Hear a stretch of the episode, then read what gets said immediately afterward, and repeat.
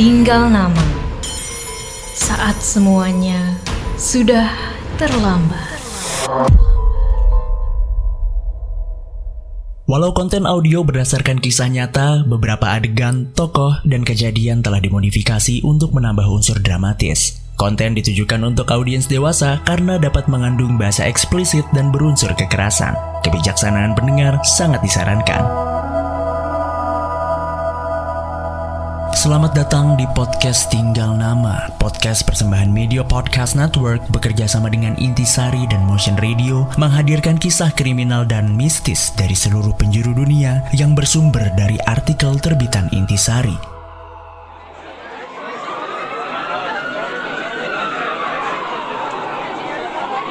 Paul Downsjack berumur 40 tahun adalah duda dua anak sekaligus eksekutif perusahaan farmasi Medco. Pria yang tinggal sendiri itu ditemukan tewas di rumah mewahnya di New Jersey, Rabu 23 Agustus 2006, sepulang kerja sekitar pukul 6 sore. Tunangannya, Lori Adamu, yang sering menginap baru beberapa minggu, mendatangi ingin tinggal bersama. Lori menelpon 911 setelah dikejutkan dengan suara teriakan Paul di telepon yang kemudian terputus. Polisi yang tiba mendapati korban tertelungkup di lorong penghubung antara garasi dan rumah induk. Paul bertanya kepada saya, kamu lupa mematikan AC ya tadi pagi? Lalu saya jawab tidak, dan tiba-tiba dia berteriak dan teleponnya mati. Setelah saya cek, tidak ada tanda-tanda mencurigakan. Selain di tubuh tunangan Anda ada tujuh tembakan, AC yang tidak dimatikan itu menyala kuat sehingga mempercepat pembukuan darah yang mengucur dari tubuh Paul. Pembunuhan ini bisa saya bilang sempurna. Tak ada saksi dan barang bukti lainnya. Benda-benda petunjuk yang acap muncul dalam serial Crime Science Investigation itu tidak ditemukan. Detektif Brian Hunt hanya sampai pada kesimpulan sementara tujuh tembakan pada tubuh Paul menunjukkan kadar kemarahan pelaku. Bisa jadi motifnya adalah balas dendam. Tapi siapa musuh yang punya motif untuk menghabisi Paul dengan cara sekeji itu? Apakah pesaing bisnis? Apakah mantan istri? Atau apakah pria yang cemburu dengan Lori? Sebagai penyidik pembunuhan, hal yang pasti harus ditanyakan untuk menemukan jawaban ini adalah siapa yang diuntungkan oleh kematian korban.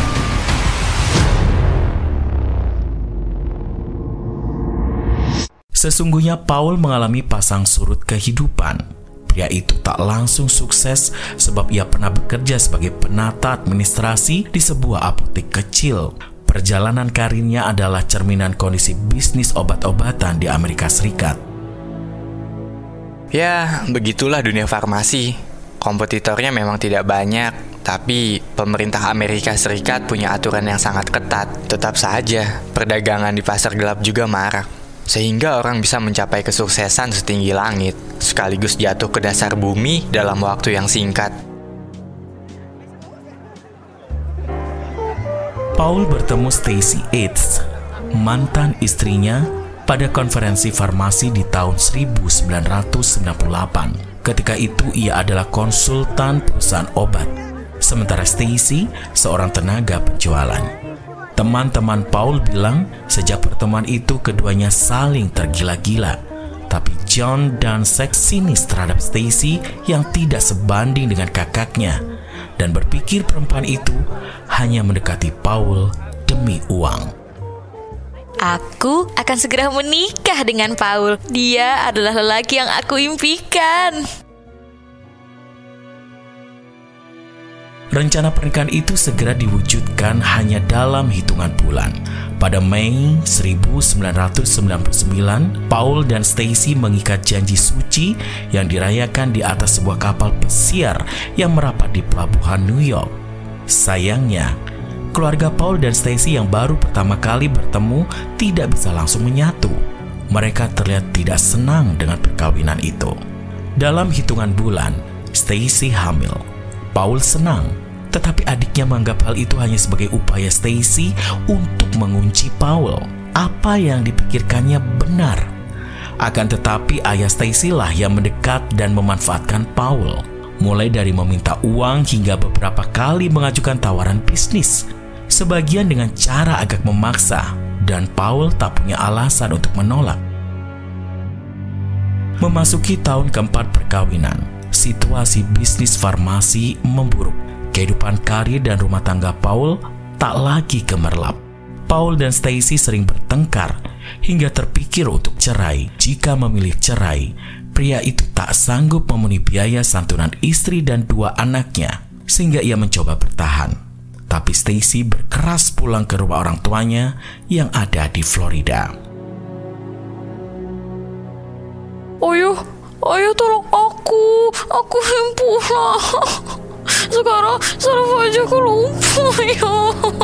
Karena Paul memaksaku minum obat yang dijual di pasar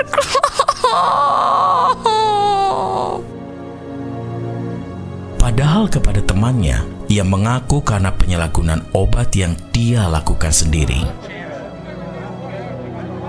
Karena itu, ayah Stacy terus mengembuskan gosip Paul yang menjual obat perusahaannya ke pasar gelap. Ayah Stacy bahkan mengadu ke atasan Paul. Dunia farmasi yang terbilang sempit membuat reputasi Paul dengan cepat terpengaruh oleh desas-desus itu. Ia dicurigai bermain di pasar gelap oleh perusahaan dan tak dipercaya oleh rekannya. Perlahan namun pasti, karirnya pudar. Paul pun dipecat.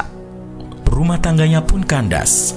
Alasan itu kemudian digunakan hakim untuk memutuskan perceraian Paul dan Stacy. Sang eksekutif yang tadinya bergaji lebih dari 500 ribu dolar Amerika Serikat harus memberikan mantan istri dan kedua anaknya sebuah apartemen yang layak serta wajib menyantuni hidup mereka, memberi warisan hingga asuransi. Karena peristiwa itu, Paul mengalami depresi. Ia dilanda ketakutan berkepanjangan. Nama baiknya pun hancur dalam sekejap ia merasa ada pihak yang masih terus mengejar untuk menghabisinya. Saya benar-benar takut. Rasanya hidup ini terlalu mengerikan untuk saya jalani.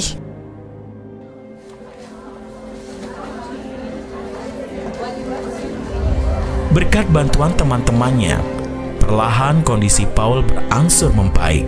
Kepercayaan dirinya mulai terbangun, sehingga secara perlahan ia mengatasi kebangkrutannya karena kepandaian dan pengalamannya di bisnis obat-obatan, ia mendapatkan pekerjaan dari sebuah butik kecil untuk menjaga konter.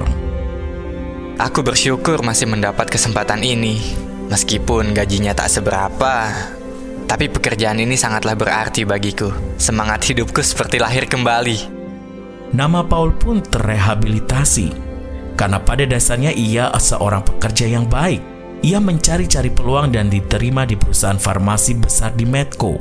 Ia kembali menapak karir secara bertahap hingga posisinya hampir setara dengan jabatannya dulu. Ironisnya, pada saat yang sama, kehidupan Stacy malah memburuk.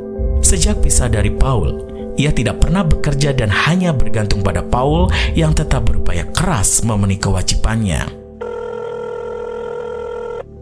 Paul, Paul kamu harus menolong aku dan anak-anakmu, Paul. Hidup kami terancam. Kami tak bisa membayar pajak sehingga aset-aset kami akan disita, Paul.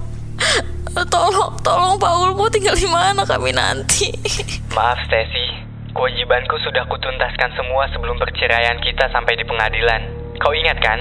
Uang asuransi dan warisan baru bisa kuberi kalau aku meninggal. Kalau begitu, aku akan membawa anak-anak kembali ke rumah orang tuaku di Florida. Jaga dengan baik anak-anak.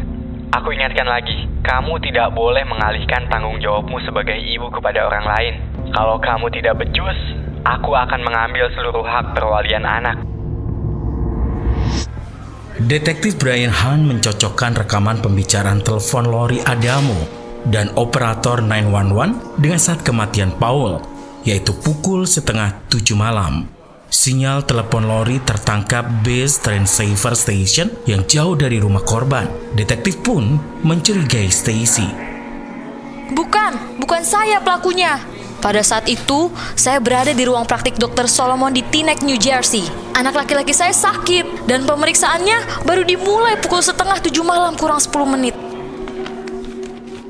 Detektif bergegas mencocokkan keterangan Stacy dengan buku tamu di tempat praktik Dr. Solomon dan hasilnya cocok. Akhirnya, satu demi satu teman Paul dipanggil dan diinterogasi.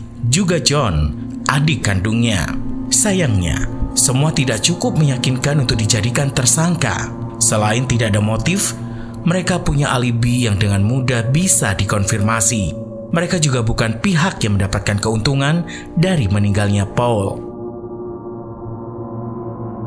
Saya menduga... Ah, tapi saya tak percaya kalau dia pelakunya. Maksudmu siapa? Um, Edward H.S., ayah Stacy. Tapi rasanya tak mungkin. Jangan lewatkan episode Tinggal Nama selanjutnya. Saat semuanya sudah terlambat, yang tersisa hanyalah tinggal nama. Tinggal